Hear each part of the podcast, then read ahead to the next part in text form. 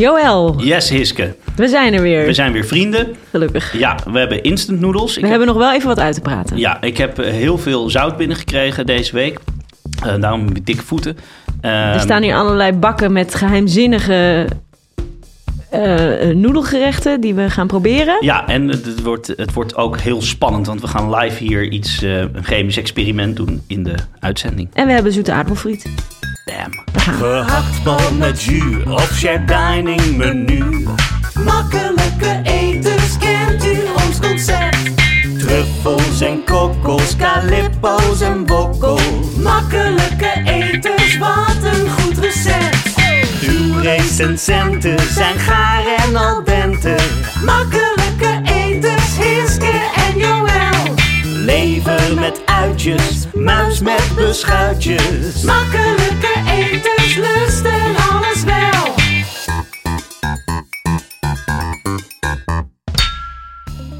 Zo Joël, Hi lieverd. daar zijn we weer. Hou je nog van me? Nou, natuurlijk. Oh, gelukkig. Dat was wat vorige week. Nou, valt toch ook wel weer mee. We gaan het er zo over hebben. Ehm, maar, onderwerp van deze aflevering, Instant noodles. instant noodles. Heb jij gekozen? Ja, lekker. We weten er alles over en we gaan ze ook eten, begreep ik. Ja, ik ga zo direct even iets eh, hier instant live in de studio. Nou, we gaan koken in de studio. Het lijkt Mandjaren wel. Nou, hey, maar ik moet heel even eerst weer, sorry, ik moet weer even twee dingen zeggen. Ehm, sowieso de verspreking van de week moet ik even weer rechtzetten. Ik zeg eh, toch nog even kwestie witbier. Laatste keer. Echt zo irritant. Ik hou erover op. Hierna hou ik erover op. Oké. Ik zei, ik had het over het Duitse Weizen en toen zei ik, dat werd toen nagemaakt door de Nederlanders en de Duitsers. En ik bedoelde natuurlijk de Nederlanders en de Belgen. Ja, dat hadden wij ook wel begrepen. Ja, oké. Maar nou is er nog iets leuks. Er kwam toch nog een ehm, reactie binnen van iemand die een foto had gemaakt van Erdinger Weissbier, Weissbrouw. Dat noemen ze dus in het Duits toch Weiss. En Weiss Met een ringel S. betekent wit. Ja. Dus dat is super verwarrend. Maar nou zei mijn bron weer ehm, dat dat komt door het verschil tussen het Hochdeutsch en het regionale Duits. Dat in het Bayerisch dat met die ringel S toch op tarwe duidt. En dat dat met één S dan wit is. Maar ik heb het niet verder onderzocht en ik wil er verder ook niet meer... Nee, ik wil er echt nooit meer over hebben. Het is echt... Ja, Weizen, tarwebier uit Duitsland is Weizenbier. Volgens het reinheidsgebod, tarwebier uit België is witbier. En daar mag van alles in zitten. we Klaar. weten het. Oké, we, hebben het er- we hebben het er nooit meer over. Ja, en dan nog heel even over dit, ehm, wat ondertussen al bij ons bekend is komen te staan als de conflictscène. Ja, de podcastruzie. Ja, vertel heel even kort waar het over ging. We kregen vorige week een, eh, een hele leuke brief van Rolf. Rolf ging bij de Libreien eten. Die was een beetje nerveus. Die vroeg ons hoe die zich moest voorbereiden. Ja. En ik had het opgenomen als een soort heel praktische vraag. Hè? Wat moet je van tevoren? eh, zwaar lunchen, licht lunchen, niet lunchen. Nou, en ik het was een beetje warrig en ik, ik begon toen een of ander eh, verhaal over meer een soort filosofische insteek. En ten eerste, ik ben wel heel blij dat wij, dat ik je toch, dat wij zulke goede vrienden zijn dat we dat gewoon tegen elkaar kunnen zeggen en daarna nog een hele leuke aflevering kunnen maken. ja. Maar ehm, jij vond mij heel onsympathiek. Nou ja, ik heb het echt met heel veel mensen ook erover ge- ge- gehad. Ja, wacht maar, want ik ben het eigenlijk wel met je eens. Oh. Ik zat het terug te luisteren en het was ook, maar het was vooral de timing was heel onsympathiek. Want ik sta op zich nog steeds wel achter het punt dat er twee manieren zijn om van een, een kunstwerk te genieten. Je kan van de intrinsieke waarde van het werk genieten. Dan ben je volledig onbevangen, los van wie het gemaakt heeft of waar of in welke tijd kan het je raken. Ja, Hè, De eerste keer dat ik het vioolconcert van Tchaikovsky hoorde, vond ik dat gelijk fantastisch ja. zonder dat ik iets wist daarover.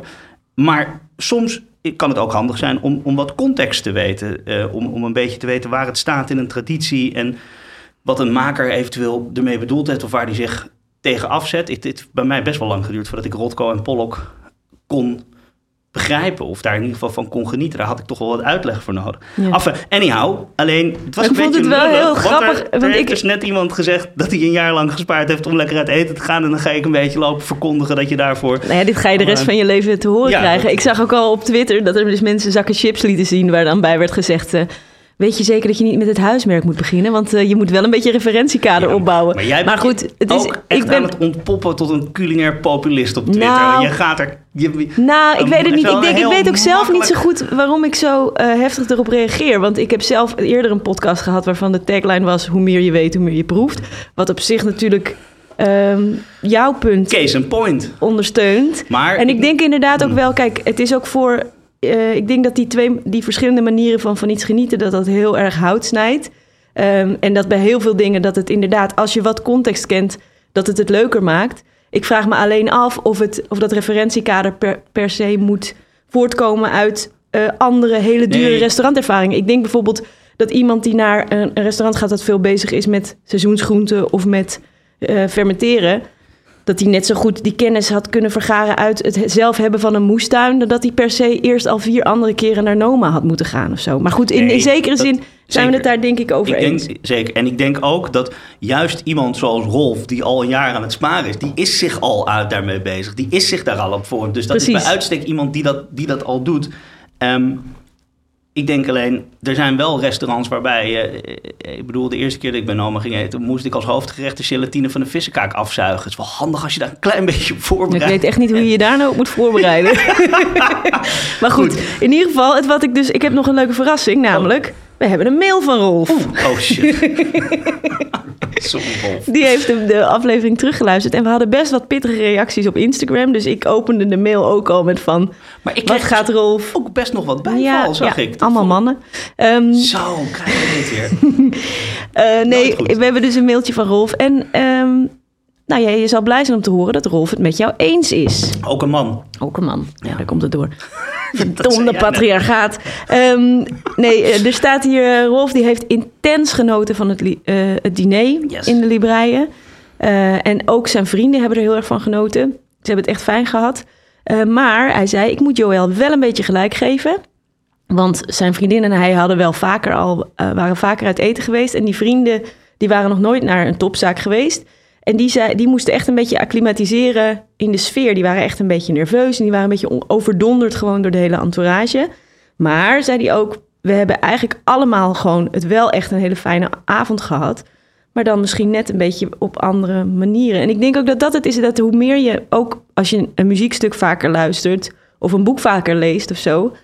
Het is niet dat je, het, dat je er eh, meer van geniet als je het nog een keer doet, maar de andere details vallen je op, zeg maar. En Mhm. dat, eh, ik denk dat dat met uit eten gaan en sowieso met eten ook zo is. Maar ik denk, eh, er staat hier ook, ik hoop dat de discussie slash ruzie niet al te lang doorging na de podcast en dat het geen invloed heeft op de volgende afleveringen. Zeker niet. Want Hier zitten we weer. er is niks zo ehm, verbroederend als instant noodles. Dat is echt zo'n eenpersoonsmaaltijd. Dus je zou juist zeggen. Dat het ik doe juist zo mijn best hier, jongens. Was jouw eetweek, Joël? Ehm, nou, weet je, ik ben dus ik ben, eh, overgestapt naar een andere provider eh, van internet en dus ook televisie. En dat betekent dat ik tegenwoordig Njam heb. Ja, dat is die Njam is het- Vlaamse zender, toch? Het Belgische 24 Kitchen. En ik vind dat zo ontzettend. Ik ben dus weer helemaal. Ik heb vroeger toen ik ehm, eigenlijk mijn, mijn interesse, of eigenlijk mijn. Maar, ik heb altijd interesse gehad in eten, op eten. Maar de, de interesse in waar het vandaan komt en hoe het gemaakt wordt, is een beetje ontstaan. Op middelbare school ging ik altijd, kwam ik altijd knetterstoon thuis, ging ik Ready Steady Cook kijken. En dat is zeg maar in mijn studententijd ging ik dan, toen je nog met BitTorrents en zo dingen kon, dan ging dan hele series van Raymond Blanc en Jamie Oliver. En ik heb eigenlijk gewoon het echt allemaal geleerd door gewoon kook-tv te bingen. Ja. Echt Ik denk dat toen wij studeerden, was dat ook echt, eh, werd dat echt een, kwam 24 Kitchen denk ik ook op tv. En toen had je dus ineens een zender waar de hele dag kooktelevisie was. Wel allemaal vrij matig. Nou, het was ietsje later volgens mij. Oh, ja. Ik heb het echt nog die oude BBC-series. En dan ging Jamie Oliver op zijn scooter naar de markt en dan spoelde ik gewoon door. Alleen maar kijken hoe het gekookt werd. Ja. En, dat, en Gary Rhodes nog, weet je wel, van echte oude, oude chefs. En, en ik zit weer helemaal toen zat. Ik heb dus echt uren op de bank in bed alleen maar koken. En ik zit weer helemaal in die trip nu, omdat dat Jam terug is. Want 24 Kitchen is vooral... Je hebt wel een aantal programma's waar gewoon wel echt wel leuk uitgelegd wordt hoe je moet komen. Maar het is toch wel vooral heel veel aangekochte dingen. Heel veel Amerikaanse dingen, heel veel restaurantwedstrijden, dat soort dingen. En op Njam is het nog echt... Dan heb je nog de meesterlijke klassiekers van Peter Goossens. Oh, dat is echt mijn favoriete ding ooit. Als ik echt, als ik stress heb of verdrietig ben, dan ga ik op YouTube ga ik zijn recept voor eh witloofrolletjes met hesp kijken. Ja. En daar word ik zo rustig van. Peter Goossens heeft echt de beste stem. En, en, en ik vind altijd, als hij met een garde in een pan roert... dan maakt hij er altijd zo'n dansend bewegingje. Maar het is een heel klein bewegingje, maar hij begint dan zo. Dat is, maar mijn absolute favoriet is Johan Segers. Ja. Dat is een beetje een... Die is chef van Ut Fornuis. Dat is wel een soort instituut sinds de jaren zeventig volgens mij. wa- Waar je ook geen kaart krijgt en weet ik veel. En die man die is een beetje een grote... In eerste instantie toch een beetje een morsige indruk. Van dat, van dat haar zo naar achter in een staartje. En dat is zo'n klein wit sikje. En maar wel in zo'n mooie, smetteloze witte buis. En hij is gewoon zo... ehm, fijn om naar te kijken. Wat maakt hij dan? Nou, hij heeft één programma dat heet Tot op de Graad. Hij is echt wel, eh, zeg maar op tv in ieder geval, best wel een viskok. Ja. Hij heeft Tot op de Graad. En gewoon het he- hele uitgangspunt van we gaan alles gebruiken van die vis. En allemaal, weet je, bijvangst, gekke vis. En dan praat hij eerst met een visser over waar het ding vandaan komt. En soms vraagt hij ook aan de visser om hem te fileren. Daar zie je dan ook heel eerlijk over. Dan zegt hij, nou, dat kun jij beter dan ik. Ik wil graag een mooi stukje. En, en, maar gewoon het feit dat hij dan... Laatst ging hij frietjes bakken. En dan kun je je voorstellen... Dat kun je niet voorstellen op de Nederlandse televisie. Dat dan zegt...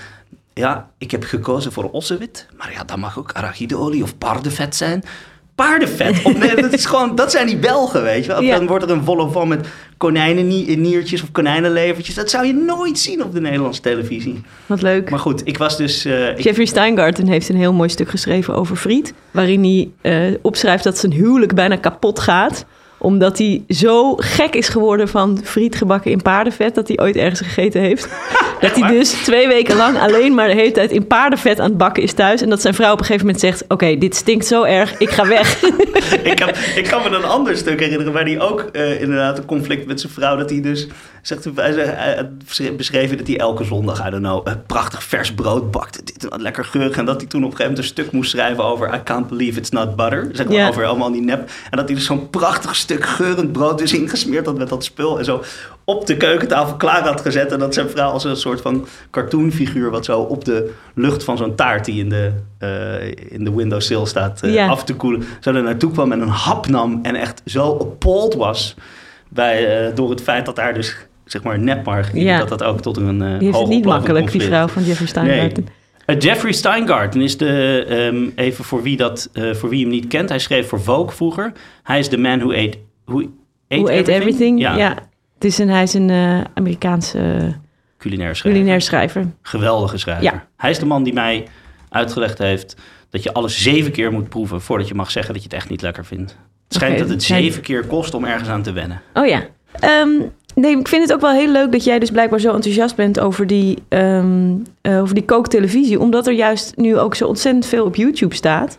Maar er dus nog blijkbaar nog wel gewoon ook ehm, echt een soort eh, iets fijns zit in het gewoon aanzetten van de tv. Nou. En dat er iets lineair... Nee, nou, ik moet wel eerlijk toegeven, er zit op, ook op Njam zitten er heel veel vervelende eh gezondheidstroela's die granola's maken. Dus ik, ik moet wel kijken, ik gebruik wel de terugkijkfunctie. Oh, oké. zit dus een knop ik op. zit wel gewoon te zoeken naar Johan. Johan is die, die is, ik weet het niet, hij heeft me gegrepen. Leuk. Ja. Ik wil wel bij hem eten een keer. Ja, gaan we doen. Oké. Deal. U was getuige. Ja. Eh, jouw eetweek. Ja, ik was, Was dat nog wat? Ja hoor, ja, nee, zeker. Ehm, ik was bij eh, een avond in de Bali vorige week met Nigel Slater. Oh ja. Eh, die was in Nederland omdat zijn eh, nieuwe boek, Cook's Book, ehm, in het Nederlands uitkwam. Keukenkronieken heette dat. En Nigel Slater is een, een schrijver die echt al heel lang voor de Observer, dus voor de Zondags Guardian in Engeland, stukken schrijft over eten en recepten schrijft. En ik ben heel, altijd heel erg dol op zijn stijl, want hij schrijft een soort hele Ehm, en hij, maakt eigenlijk hele eenvoudige recepten, maar hij schrijft er heel mooie verhalen bij, waarbij hij met een soort hele kleine toetjes en details heel erg die soort van dat intieme gevoel dat je bij een gerecht kan hebben aanstipt. Dus hij eh, ehm, heeft het mooie boek gemaakt over zijn moestuin. Hij heeft ook een heel leuk boek gemaakt waar ik trouwens ook waardoor ik ook een beetje op het idee kwam voor deze podcast. Dat heet Eating for England en dat is een soort van eh, klein eh, soort, niet een encyclopedie, maar een soort van boekje met allemaal van die verschillende lemma's, waarin hij allerlei rare Engelse Oh, laagcultuur dingen eh, vertelt, snoepjes en verschillende koekjes. Maar ik, En- ja, ik ken hem dus vooral van tv-programma's en daar vind ik hem minder sterk. Maar misschien moet ik die boeken eens gaan. Nee, hij is een hele, hele goede schrijver. Hij heeft ook een prachtige autobiografie geschreven. Die heet Toast. Dat is ook zo'n soort van romantisch, hartverscheurend verhaal. Dat hij dus opgroeit in een gezin met een moeder die niet goed kan koken. Ehm, maar die, die laat dus altijd de toast verbranden. Vandaar ook de naam van het eh, boek. Dat die staat elke ochtend uit het raam staat ze het zwarte, zwarte spul van de toast af te schrapen. Maar zijn moeder overlijdt als hij negen is. En zijn vader hertrouwt. En dan komt hij in een soort van. Ehm, met zijn nieuwe stiefmoeder in een soort van wedstrijd van, om, om de gunst van die vader. Wie het beste kan koken. Ja, het is een heel, heel erg mooi boek. Maar hij was dus even in Nederland voor zijn nieuwe boek. Dat is dus vertaald als keukenkronieken, wat ik een vrij lelijke titel vind. En, en ook het boek zelf is echt... Het, het originele boek is prachtig. Er staat een kunstwerk voorop in roze en geel. En het heet dus een uh, Cooksbook. Eh, en in de vertaling, daar staat op de voorkant... dat is een soort van bruin. En er staan twee gevulde paprika's op. Echt een soort van libelle 1994. Eh, nou ja, goed. Anyway, het was een hele leuke avond. Ehm, Teun van de Keuken was er ook. En eh, Yvette van Boven, die, eh, die interviewde hem. En we hadden een soort van half vier gesprekje. En ik, vond ik vind het toch altijd jammer bij, bij zo'n avond als dat. Dan heb je dus een schrijver die heel goed is in het soort van opschrijven van de persoonlijke band die mensen hebben met voedsel. Eh, wat het te maken heeft met eh, zeg maar de voortgang van je leven en hoe je kookwijze verandert. En het moet dan toch altijd op zo'n avond ook gaan over hoe gaan we zoveel miljard mensen voeden in dat en dat jaar. Hoe krijgen we mensen meer aan het koken? En daar word ik toch. Ik heb toch altijd als ik wegga bij zo'n avond dat ik me een beetje vies voel, omdat zo'n zo'n Bezoedeld. Het nou ja, ja, omdat zo'n gesprek dan toch altijd uitkomt om je hebt een hele zaal vol met middelklas foodies die hun kinderen allemaal op kookles zetten of eh, weet ik veel wat. En vervolgens gaat het dus. Moet ik dat ook gaan doen? Nee, maar het eindigt altijd met. Waarom koken al die andere mensen nou niet zoals wij? Als iedereen nou gewoon net zo zou doen zoals wij, dan zou er geen honger zijn en dan zou er geen kinderobesitas zijn. Echt gelul. Tenminste, dat eerste is gelul. Nou ja, anyway, ik, vond, ik vind het dan, ik denk dan als je dan zo'n man hebt zitten, dan is het toch leuk om juist met hem te praten Oké, maar wat heb jij hem gevraagd? Had je, een, had je één op één tijd? een klein beetje. En wat heb je gevraagd? Ehm, nou ja, we hebben het kort gehad over, dus juist ook over die, eh, die aantrekkingskracht van die, van die laagcultuur. Dus ook van, van een soort van pop, popcultuur, zeg maar. Mhm, dus mhm, eh, mhm. objecten die een soort heel direct, waar mensen heel directe band mee hebben, bijvoorbeeld vanuit hun jeugd. Maar wat heb je gevraagd erover? Ehm, ik heb hem gevraagd, ik heb hem wel gevraagd of hij, of hij zelf bijvoorbeeld wel eens een, een viral recept heeft gemaakt. Want we hadden het over, de, over gerechten op internet en, de, en, en zo. En ehm, ik was dus benieuwd of een van zijn recepten ooit door een hele grote groep mensen was gemaakt. Mhm.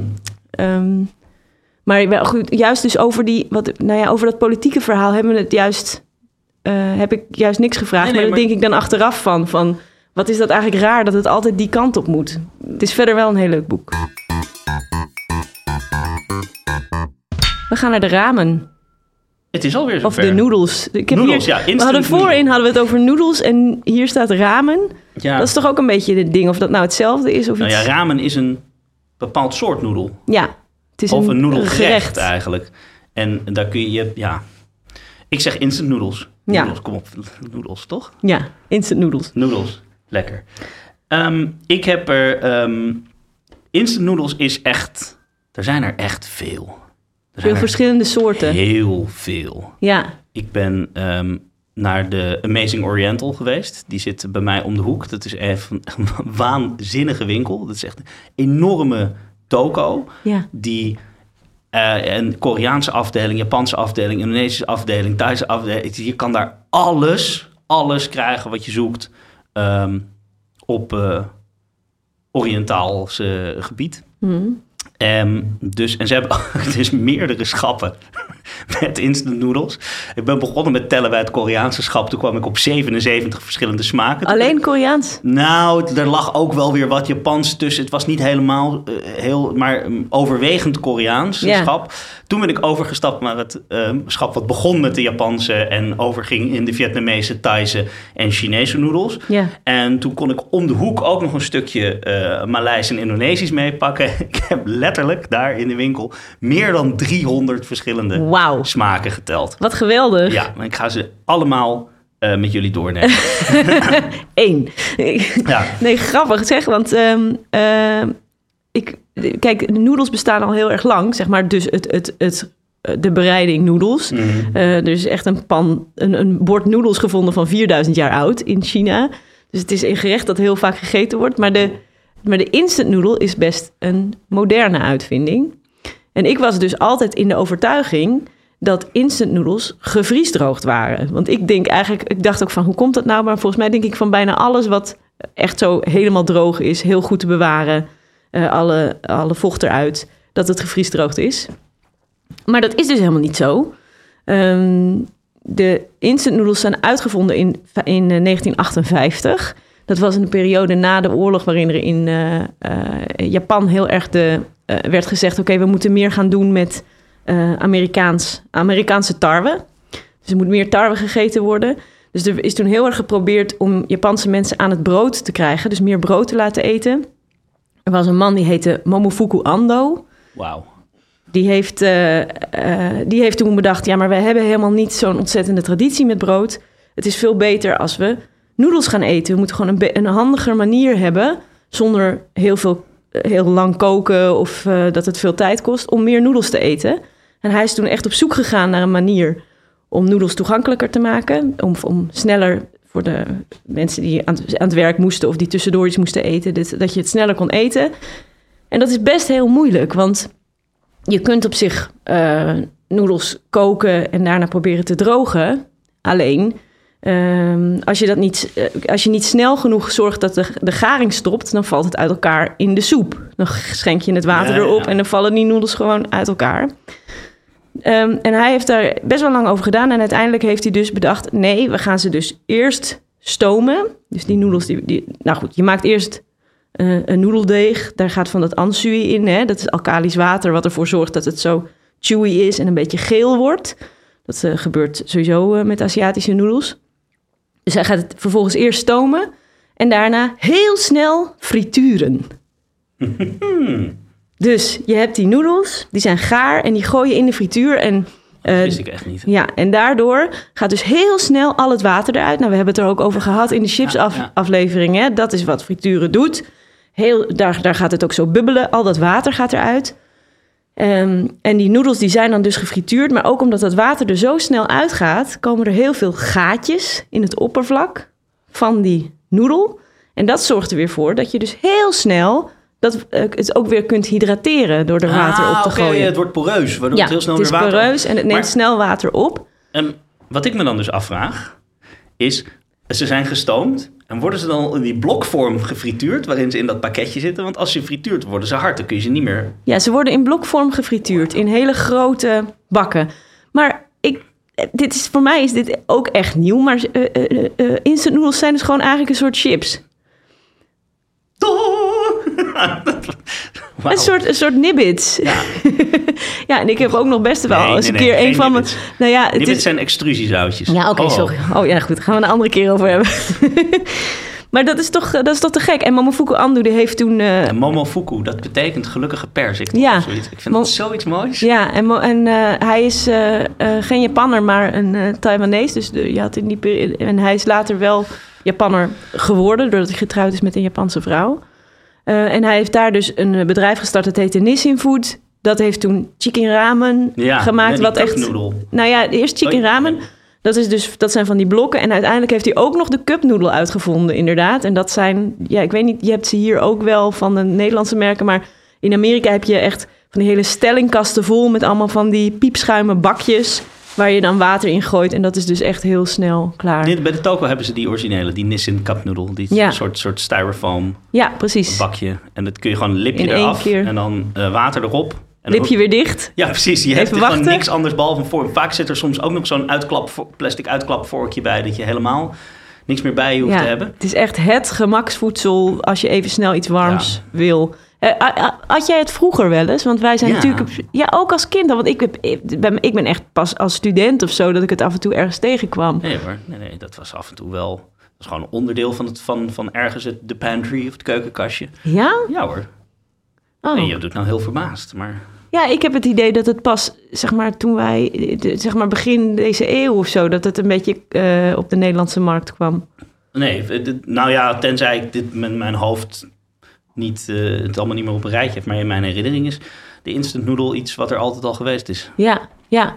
Nou ja, ik geef het ook wel eens aan mijn kinderen als ze cranky zijn. En eh, Hier. hier, ja, maar en ik wist dus al dat het eigenlijk niet, goed, niet zo heel goed is, omdat het heel erg zout was. Nou, Maar, ik, maar voortaan geef ik ze gewoon een zakje chips. maar dit is wel... dit- dat is wel even... Ja, je bent er nu over begonnen. Ik heb dus ehm, een stuk of eh, eh, 1, 2, 3, 4, 5, 6, 7, 8, 9, 10...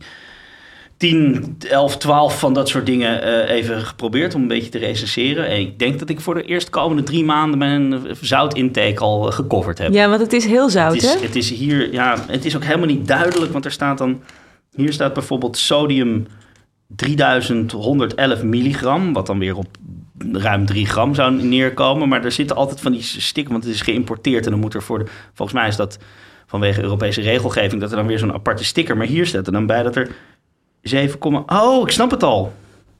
Zout is natuurlijk meer dan alleen natrium. Dus daarom is het Ja. twee keer zo zwaar. Ja, Ah, maar als er dan staat dat je volgens het voedingscentrum zeker niet meer dan 6 gram zout per dag, dan is dat dus zout in de zin van natrium en chloride. ja. 6 gram.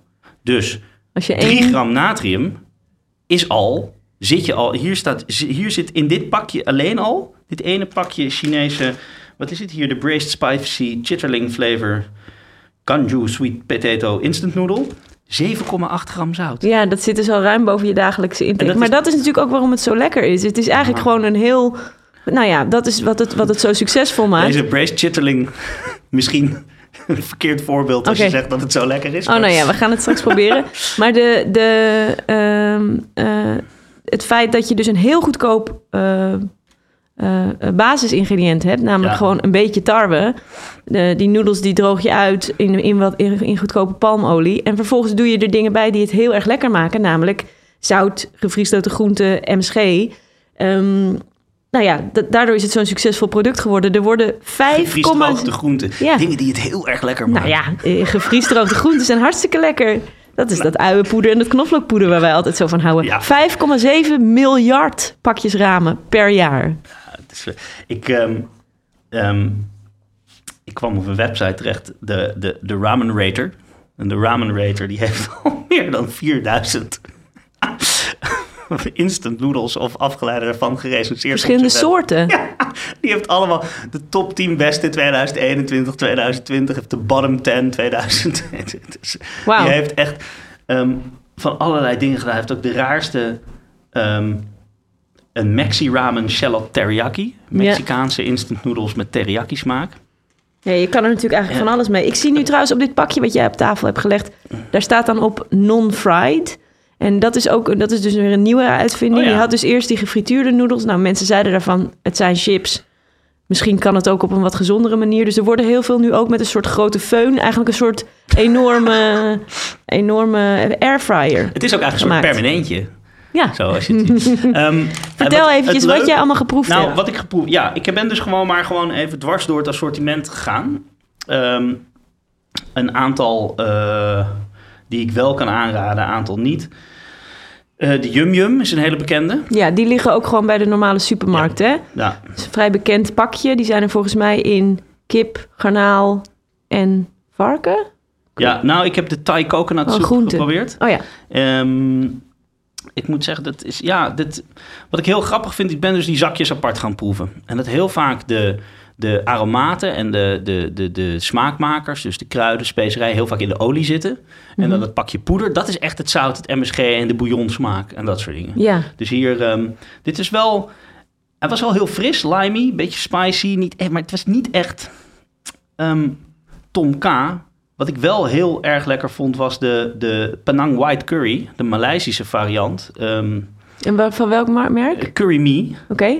Want daar zaten namelijk wel drie zakjes in. Normaal heb je maar twee zakjes. Maar hier zaten drie zakjes. Namelijk, er zat een echte currypasta in. Waar je echt toch de vezeltjes van de, van de gevuizelde kruiden kon proeven.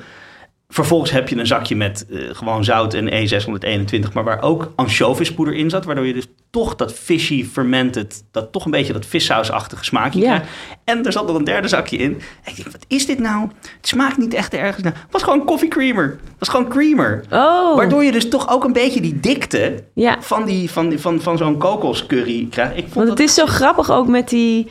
eh, nou ja, wat ik zei, ik ben er niet echt mee opgegroeid. Maar als je luistert naar bijvoorbeeld Am- Amerikaanse Aziaten... zoals Dave Chang, die heel veel praat over ehm, zijn geschiedenis met instant ramen... Ehm Dave Chang trouwens, die heeft dus een restaurantketen die Momofuku heet... vernoemd naar Ah. de uitvinder van, eh, van de instant ramen. Maar die zegt echt van, het was vroeger echt een... ehm, eh, ja, je, de, hoe je begon met koken. Dus je kwam thuis van school en je ging dus eh, die zakjes bij elkaar doen... en dan ging je eens kijken wat er zou gebeuren als je twee zakjes erin deed... in plaats van één, of je deed er een ei in of kaas in... Dus dat is echt zeg maar de eerste manier als, als kind om dingen te eten. Hij at ze trouwens ook zo. Ik denk, vind dat we dat straks even zo moeten proberen. Want die gefrituurde noedels, die schijn je dus ook gewoon Ja, zo is droog te kunnen eten. Ze zijn al gestoomd, dus ze zijn al gaar. Ja. Er is zelfs die ramen eh rater, die had er zelfs eentje. Ehm, wat was het nou? De- ja, de fuku-noedel. Dat is een Japanse, waarbij de preparation gewoon stond... Just eat it raw. dat was ook gewoon de aanwijzing op het pakje. Cool. Ehm, wat ik sowieso tijdens het, ehm, eh, tijdens het de noedel eh kweesten achterkwam... is dat heel vaak zijn ze inderdaad vierkant gefrituurd. Dus als een blok. Ja. Maar sommige zijn ook rond. Ja. En dat is veel handiger, want je doet ze dus in een kommetje. En dat ronde, dat, dat vindt dus vanzelf, zeg maar, de hoogte waarop het kommetje zo net zo wijd is als... Dus dan staan ze eerder onder water. Ja. Dan hoef je dus niet dat of te breken Ja, want je moet toch heel vaak eh, nog met een vork Hoeft gaan dus lopen niet. hannissen dat het Hoeft niet dus onder water zit. Dus die ronde vorm is sowieso een pre. Ehm, ja, ik had er ook nog eentje beef met sauerkraut flavor. Mm. Waar kwam die dan vandaan? Eh, dat was eh, een Chinese van Unif 100. ja. Ehm, ja, god. Nou, laten we er niet te lang bij stilstaan. Eh ik vind wel, je hebt dus ook, je hebt de noedelsoep, waarbij je het water moet houden. Maar je hebt ook die Indonesische, die een soort mie goreng zijn. Waarbij Ja. het dus de bedoeling is dat je hem afgiet en hem eigenlijk meer als een soort eh droog Aanmaakt ja, met de aanmaakt saus. met de saus. Dan kan ik de mie goreng rendang aanraden. Die heeft ook echt een kokos Van Indomie? Indomie, hele zoete, lekkere kokos, gesmoorde kokossmaak zit eraan. Ehm dan In- heb je dus, Indomie ligt ook bij de supermarkten. ja, het, ehm, en dan heb je dus ook naast de tarwenoedels ook nog andersoortige noedels. Ik heb een hele ehm, dikke, eh, platte aardappelnoedel. Dus eigenlijk een soort aardappelpappardellen. Eh, ja, het was, maar het was Szechuan, het zat weinig diepte aan. Qua smaak hoef je het niet te doen. Noedels waren wel interessant om een keer af te wisselen. Die zoete aardappelnoedels, die vind ik echt niet lekker. Dat wordt een soort rare, glibberige, chewy. Het is heel elastisch. Het is ook heel lastig om daar een klein beetje van op je vork te draaien. Je haalt eigenlijk altijd gelijk de hele bubs noedels eruit. Oh ja, En deze waren dan erg. ook nog braised spicy chitterling flavor. Ja, chitterling, dat is, de- dat is darm, toch? Ja, dat zijn de, de intestine, de small intestine van het, van het varken. Ja. Ehm, er staat hier een, een, een breed lachende Chinees in een wit pakje met zijn duim omhoog ernaast. Mwah. Het, was, het, is, ik bedoel, het is niks vergeleken met de real thing. Het is prima te eten, terwijl echt de chitterling kan best heftig zijn. ja. Maar, ehm, nou goed, anyhow. ehm, ik zou zeggen dat de Penang White Curry toch wel echt eh, als winnaar uit de bus gekomen is. Heb je, je hebt nu eh, dus eh, hoeveel verschillende soorten noedels heb jij gegeten afgelopen week? Op Zeker 12 tot 14. Maar op een gegeven moment ben ik gestopt met alles opeten. Ik heb een zo- gegeven moment zwel je toch helemaal op. Het, het ging niet meer. Het was echt, het is zo, op een gegeven moment, ook als je erover na gaat denken hoe verschrikkelijk zout het is, dan ga je het ook proeven. Ik vind het heel zielig. Ik heb nu het idee dat jij thuis hebt gezeten met enorme opgezwollen voeten. Van, Oh ja, de ik heb ook nog udon bulgogi Korean. Dat was nog wel leuk, omdat daar dus niet... eh, dat was een beetje eh, afwijkend van de rest, maar dat is een, een kartonnen bakje waar verse noedels in zitten. Oh die ja. gevacumeerd zijn. En dat is eigenlijk, ja, ik vond de, de, de, de saus een beetje eh, eh, zoetig. Van die bulgogi was een beetje, gaat een beetje richting teriyaki. ja. Maar die noedels zelf, dat, was, dat, dat komt dan echt heel dicht in de buurt bij, Maar bij wat bedoel je dan met verse, wat bedoel je met Ja, verse noedels? zacht, zachte, verse... Dus helemaal niet instant. Gewoon, die moet je gewoon overgieten met water. Nee, je moet ze wel even koken. Ja, Maar ze zijn gewoon flexibel en zacht en niet, en niet Oh ja. gefrituurd of gedroogd of iets oké. dergelijks. Wilde je nou ook nog iets laten proeven? Ja, ik heb hier een self-heating beef hot pot spicy flavor. Hier Wauw. hoef je dus alleen maar koud water bij te doen. En deze gaat, als het goed is, hier midden tussen ons in op tafel warm worden. Wat? Ja. Warm worden? Heb je dit niet? eh, Ken, je dit niet? Nee, het klinkt een beetje als een 1 april grap. Het is een grote bak. Ja. New upgrade, self-heating beef hotpot spicy flavor. Nou, Zit er dan een batterij in of zo? Nee, ik, ga, ik heb wel opgezocht hoe het werkt. Maar ga maar eerst maar. Doe jij het maar even. Oké, Ja, ik ga hem ja, uitpakken. Oké. Bean vermicelli zit erin. Cured beef en een bakje. Lees even voor wat er staat. Doe ik. Keep the room circulation during heaten. Oké, dit is levensgevaarlijk dit. Eh, verwijder de folie, het karton en de deksel. Pak de witte kom en doe daar de vermicelli, de groentes, het vlees en de kruiden in. Dus we hebben hier een zakje. Het is echt een soort astronautenvoer dit. Oh, Ja. kijk, hele mooie eh mung bean noedels. Die hele Nice. mooie, super dunne. En jij hebt hier dus de beef, die De moet er ook beef, in. die moet er ook in, oké. Er zit dus ook gewoon echt ehm, rundvlees gewoon. Ja, Wauw, het begint wel te ruiken. ja ik... Joël die gooit nu de Oh, ruikt wel lekker. ingemaakte rundvlees trouwens. Waar erbij. is het max lijntje dan? Want ik zie hier alleen maar... Oké, ik heb hier nog ook nog een zakje groenten. Pickled vegetables. Dit is echt een astronautenmaaltijd. Ja, het is wel grappig dat je dat zegt, want het is inderdaad, volgens mij, is dit uitgevonden. eh, Wauw, ik zie echt... eh, Lotus, ja, lotuswortel? lotuswortel en, eh, en paddenstoel. Dit is een bestekje, zit er nog in. Spicy flavor. Oh, die seasonings moet er ook nog in. Hot pot seasoning. Dit is echt een eh, hele operatie. Oké, dan gaat dus het water in de grote zwarte bak. Het is een reusachtige bak. Ja, het is dus een bak-in-bak situatie Ja. die we hier... eh, Maximum fill line. Oh, met een pijltje. Zo. het is echt super spannende Vul deze ook tot de aangegeven rij. Nee. Haal de heating bag uit het plastic zakje. Ja, nou gaan we dus... check of deze niet beschadigd is. Nee, ja. Staat het raam al open? Hier is dus een zakje en er staan echt vijf grote rode waarschuwingsdingen op. Niet opeten. Ga weg bij vuur. Nou ja, en nou gaat er iets gebeuren. Ik heb echt het gevoel dat het Ik gaat vind het wel echt heel jammer dat we er niet in kunnen kijken nu. Ja. Ehm, wat er in dat zakje zit is... ehm quick... 15 minuten wachten. Oh. Nou, weet je wat? Anders gaan we gewoon nog eventjes door. En dan straks gaan we kijken hoe het, eh, hoe het geworden is. Ehm, maar ik wilde eerst heel graag nog even weten... want ik had het net al eventjes over, eh, over Dave Chang. Ja. Die dus eh, een restaurantketen heet... die ook Momofuku heeft. En die heeft dus allerlei hele coole dingen gemaakt...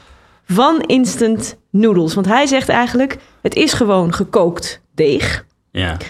Daar kun je van alles mee doen. Dus hij maakt cacio e pepe pasta ermee. dat- Hij maakt ehm eh, gnocchi ermee. Dus hij, er is een heel tof recept dat hij dus... Hij kookt ze zeg maar in, eh, in melk. Dan maakt hij er een beslag van. Dan, dan snijdt hij er gnocchi van. Dus eigenlijk... Oeh, kijk! Help! Hij begint te stomen nu, dat, eh, dat, dat, die bak naast ons. Er komt ineens ja, er allemaal... zit een gaatje in de i. Boven het puntje op de i is een gaatje in de deksel. En daar komt dus nu in één keer enorm veel stoom uit. Wat er nu gebeurt in dat ding... In dat zakje zit ehm eh, eh, ongebluste kalk. En dat reageert met water. Ja, die twee dingen reageren met elkaar. En, en die reactie is een exotherme reactie. Er komt dus energie vrij Ja. in de vorm van hitte. Dus dat stoomt gewoon nu warm.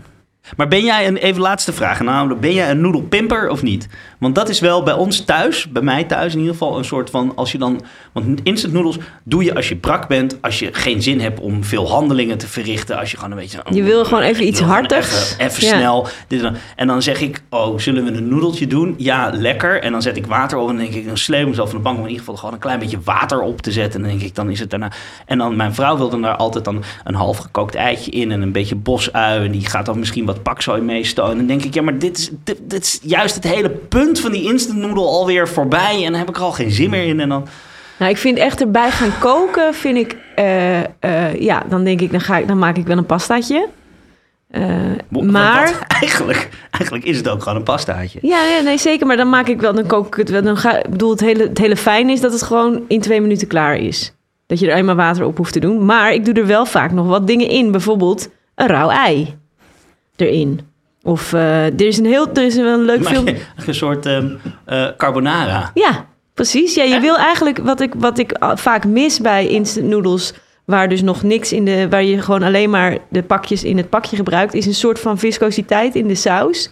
En door er dus iets in te doen, bijvoorbeeld een rauw ei... of ook wat ook heel goed werkt, is gewoon een lepel boter.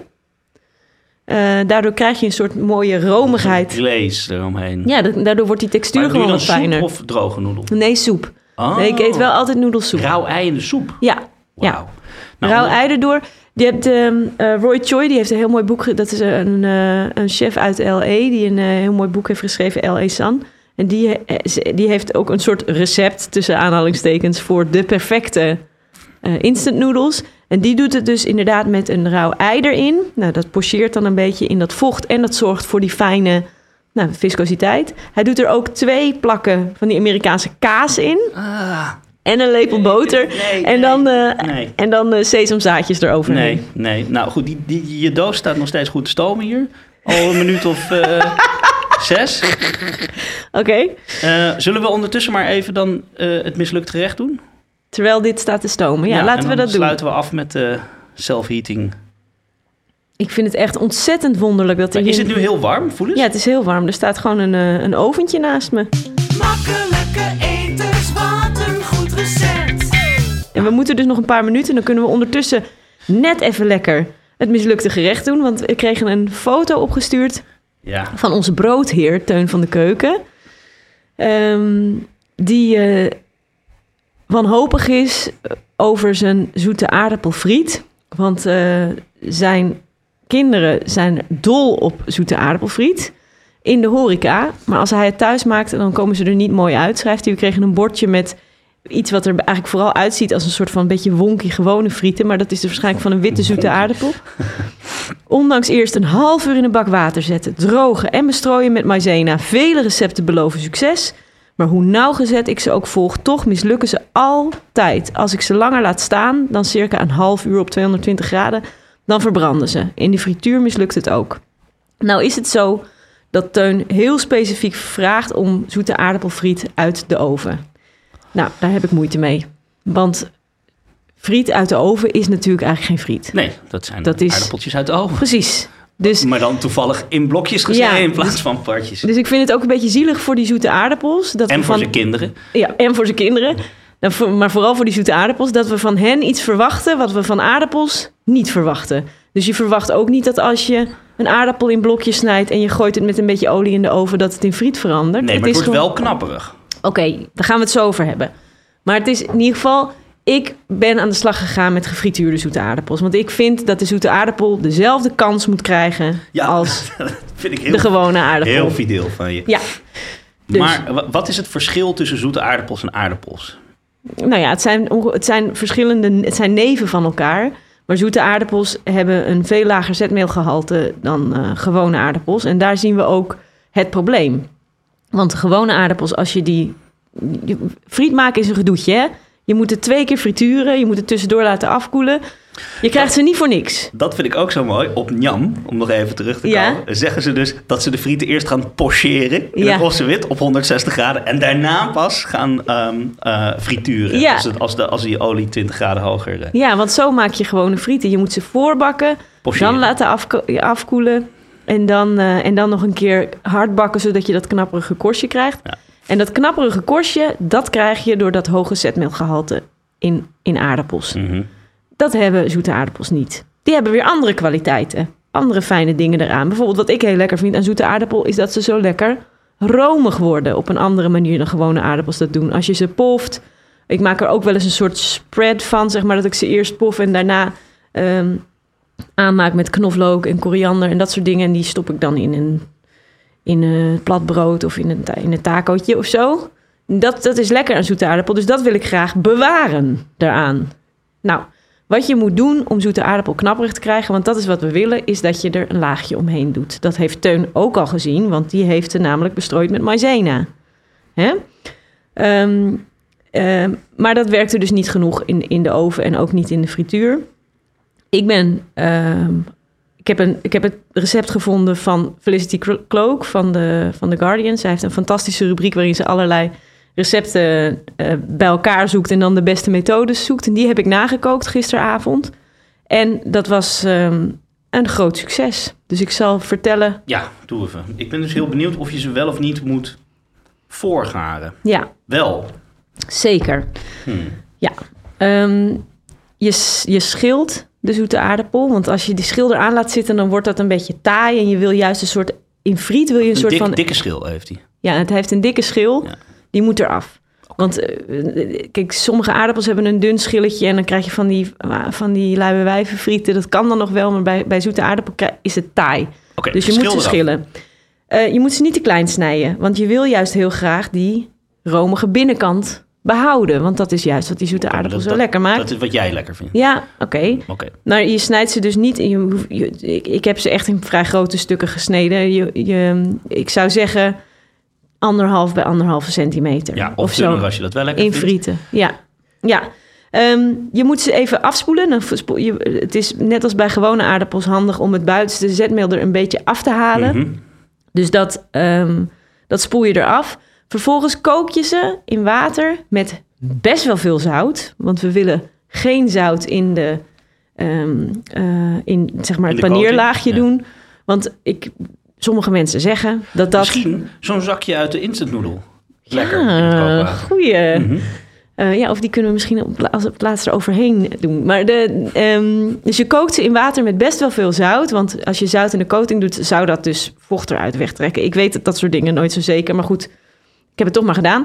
Eh, en een schep eh baking soda erin. Aha. Baking soda in het kookwater is heel goed voor als je dingen gaat frituren. Ook voor bijvoorbeeld als je eh roast potatoes wil, wil maken. Want daardoor krijg je een beetje een ruwig buitenkantje. Wat dus heel goed dat vet weer opneemt en dan lekker crispy wordt. En dat werkt dus ook heel goed bij die zoete aardappels. Dus baking soda in het kookwater. Vervolgens laat je ze eh, kort koken. Want je wil eigenlijk alleen maar dat de buitenkant gaar wordt. Dus niet te lang. Want, Maar wat is niet te lang? nou ja, ik zou zeggen een minuut of vier. Je wil dat de buitenkant gaar is. Ja. eh, een beetje gaar is. De binnenkant moet nog rauw zijn, want als je dat niet doet, dan gaan ze stuk. Maar dit is dus het Engelse roast potato Precies, het is, het is het Engelse roast potato principe. Goed, dus je hebt aardappeltjes, van binnen nog hard, van buiten een beetje korrelig. Bros, door- ja. Mhm. Brossig. En die giet je af. Oké? Vervolgens ga je ze, moeten ze een laagje krijgen. Dat laagje eh, wordt vaak gemaakt inderdaad van maizena. En dat werkt ook goed. Ehm, maar wat, ik, aankomen. wat Felicity dus doet, is dat ze een soort papje maakt. Een soort maizena papje. Ja, ik had geen maizena in huis, dus ik heb het gewoon met fijne polenta gedaan. Ehm, en daar maak je een soort van eh, dunnige pasta van. Zo, nou ja, laten we zeggen zo dik als karnemelk, zoiets. En daar haal je je aardappeltjes doorheen. Wacht even, sorry, ik vergeet iets. Want door die pasta is het ook lekker om wat smaakmakers te doen. Dus eh, hier komt weer onze favoriet, het knoflookpoeder, heel goed in. Je kunt er gerookt paprikapoeder in doen. Paprika. Ehm, de- erin doen, en de, maar dus geen zout. En daar haal je ze doorheen. Mhm. En vervolgens, wat ik dus heel lekker vond, is dat je ze dan nog een keertje even door de droge polenta haalt. Dus ze krijgen best een, een laagje. En Klinkt gewoon een beetje als chicken fried um, sweet chicken potato. fried sweet potato. Ja, Ja, zoiets dit is, het toch. Geen, dit is toch geen patat meer, jongens? Dit is... Ik, ja, sorry. maar nou ja, je hebt gewoon een buitenlaagje. Dan, kijk, dat kun je zeggen. Maar dan moet je zeggen, je moet geen friet willen maken van zoete aardappel. Nee, Want als je friet wil maken van zoete aardapel, dan moet er een laagje omheen. Want anders lukt het niet. Ja. Ja, het is gewoon slap en te zoet. En het is niet... maar die van mij dus niet, Joël. Nee, omdat er... Dit is een soort Kentucky fried sweet potato wat jij maakt. Ja, maar wat is daar nou erg aan? Nou ja, dat is gewoon geen patat. Nou, ik vind je een zeurpiet. Ja. En Teun van de Keuken denk ik ook. Want, want, want ze waren echt super lekker. Oké. Your loss, Joël. En eh, ehm, nou ja, je bakt ze dus op, eh, eh, op 180 graden. Best wel een tijdje. Want ze moeten echt, echt een goed bruin laagje krijgen. Ik had mijn eer, je moet het in kleine porties doen, hè, zoals altijd met frituren. Mhm. Oven aan eronder, zodat je die gaar zijn, die zet je gelijk even in een niet al te hete oven. Zodat ze Mhm. lekker warm blijven. En echt goed bruin. En dan op het laatst goed veel zout eroverheen. Toch wel weer zout. Ja, op het laatst. Ja, want je wil ze niet, dus dat in het beslag niet, want dat trekt het vocht eruit. Maar Oh. op het laatst gewoon net als bij gewone friet, gewoon hartstikke goed zouten. En dan eh, aan je kinderen geven met een gebakken ei. Het was echt eh, great succes. Wauw. Dat is hartstikke lekker. Nou, ik kom een keer zoete aardappelfriet bij jou eten. Goed. Nou, nu mag het niet meer. Oké, goed. Hey. Nou, onze doos is uitgestampt ondertussen. Ja. Is die- hoe warm is Kijk uit. Is hij, kun je hem aanpakken? Is hij al... Nou, hij is best wel heet. Mag ik voelen? We zetten er even wat dingen aan de kant voor het geval dat er hier iets gaat ontploffen. Ik vind het echt een soort wonder dit hoor. Oh ja, hij is warm, maar heeft er wel, ik kan mijn handen er wel gewoon opleggen aan de zijkant. Je krijgt er dus ook een heel mooi een soort bij. luxe bakje bij, zoals in het vliegtuig. Oh, met chopsticks. Met chopsticks Die die je in elkaar moet- kan, kan klikken. Oh, en ook een lepel en ook een tandenstoker. Oh, trouwens, even... Eet jij instant noodles met chopsticks of met een vork? Eh, ik moet eerlijk zeggen, met een vork, ja. sorry. Dat, het hele idee van instant noodles is gemak. Dan ga ik dat ook gewoon met een vork eten. Nou ja, het is denk ik wat je gewend bent. Want ik denk dat mensen die opgroeien met chopsticks, die Ja. doen het waarschijnlijk met chopsticks. En ik denk ook wel dat, eh, zeg maar, als je gewend bent aan, aan goed... Mijn chopstick skill- skills zijn niet zo heel erg goed. Ik ga het zien zo. Oké, de re- grote reveal party is dit nu. Ik ga de deksel maak ik los. Boom! Gaat... Wauw. Wauw, ja, het is echt een... Oh, het ziet er wel goed Het uit. ziet er echt uit als een stoofpotje. Nou, als zo'n echte hotpot. Er ligt echt zo'n, ook zo'n rode olie ligt erboven. Moeten we dit hier nou uithalen? Kijk even hoor. 15 Nee, gewoon minuten. eten. Gewoon eten. Roeren, roeren door en geniet. Nou, dat gaan we doen. Even kijken, ik heb hier de lepel. Ik roer het door. Wat zijn die? Oh ja, daar Oh, dat zijn de noedeltjes. Ja, het ruikt wel echt. Oh, er zitten ook van die, zijn dit van die, van die Judas oren of niet? Ja, Oh, lekker. kijk. Nou, ik durf het eigenlijk niet. Je moet het eigenlijk erboven gaan hangen hè, bij eh noedels. Ik ruik ook heel erg venkelzaad. Ja, er zit venkel in. Er zit Szechuan in. Ja, Het is spicy. Er ligt een goede laag Kijk. olie op. Er zit, ik ga ook een beetje van dat dried beef gaan kijken of ik dat uit kan vissen. Het is heet. Ja, Het maar nee, het is zelf heet. Venkel, peper. Het is best wel lekker. Hmm. Nou, trouwens, er zit ook wel iets kurkigs in. Oh, ja. Nee, ja, ik je wel, er zit iets, er zit een, ergens een muf, Een muf smaakje. een muf ondertoontje Ja, in. maar toch? Oh, Goed. Ehm, luisteraars, we laten jullie achter. Wij slurpen nog even verder hier. Ik heb een sorry misofonen. soort stukje snijboom of zo. Wat erin zit. Goed, we pluizen dit nog even verder uit. Ehm, blijf alsjeblieft mislukte gerechten opsturen. We smullen van de foto's. Doe er foto's bij. Wij zetten ze allemaal op de socials. En ehm, Mocht u willen adverteren, Precies, dan kan dat natuurlijk ook. En dan moet u even een brief of een e-mail sturen naar fax. info.meervandit.nl en begin die alsjeblieft met lieve Guusje, want dan eh, loopt het allemaal gewoon wat soepeler. Heel graag. Oké, eh, oh ja, dan voor volgende week. Ehm, wie is er aan de beurt? Jij moet mij eh, drie opties geven. Ehm, nou, kroketten, kokintjes. En, eh, nee, ik wil niet kokintjes. Kies geen kokintjes. Ehm, iets leuks. Sardientjes. Nee, blikvis. Ja, ik wil heel graag blikvis doen. Kokintjes, sardientjes, kroketjes. Ik kies kokintjes. Nee! Oké, nou, volgende week zit Hiski hier alleen. En ik zie jullie over twee weken weer. Tot volgende keer. Joe. Dag.